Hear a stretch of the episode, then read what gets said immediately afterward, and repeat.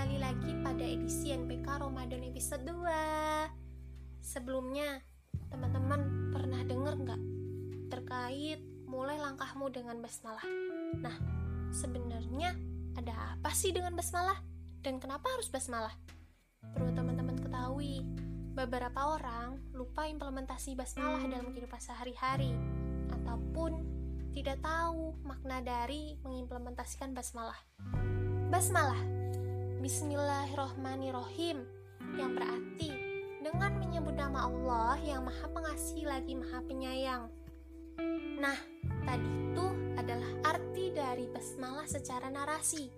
Basmalah ini sebagai bentuk atau cara kita mempercayai Allah dalam tindakan yang akan kita lakukan.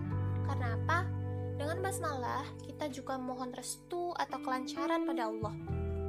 Aku spesifikin lagi nih, dengan basmalah, insya Allah pertama bisa melancarkan rezeki. Dari Abu Hurairah, Rasulullah SAW bersabda, setiap perkara penting yang tidak dimulai dengan Bismillahirrohmanirrohim, amalan tersebut terputus berkahnya. Hadis riwayat Al-Khotib Lalu, dengan basmalah, kita dapat terlindungi dari godaan setan.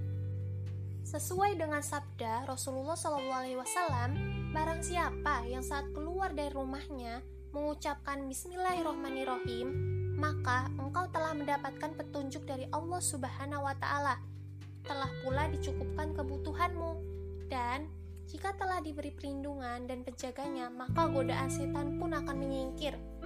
Hadis riwayat Abu Daud Turmuzi dan Nasai. Nah, tuh, Masya Allah kan, yuk mah tak lupa basmalah. Bisa mulai dari teman-teman nih ketika bangun pagi untuk memulai hari. Ataupun setelah teman-teman mendengar podcast NPK Ramadan episode 2 ini, bisa langsung dimulai. Kui mah, bagaimana? Ilmunya bertambah? Siap bismillah dalam langkah? Serahkan ke Allah dan percayakan pada Allah dengan basmalah. Sekian dari saya. Mohon maaf atas salah maupun kurangnya. Serta terima kasih buat teman-teman yang mau dengerin sampai akhir. Ilahi fisabilil haq, fastabikul khairat. Wassalamualaikum warahmatullahi wabarakatuh.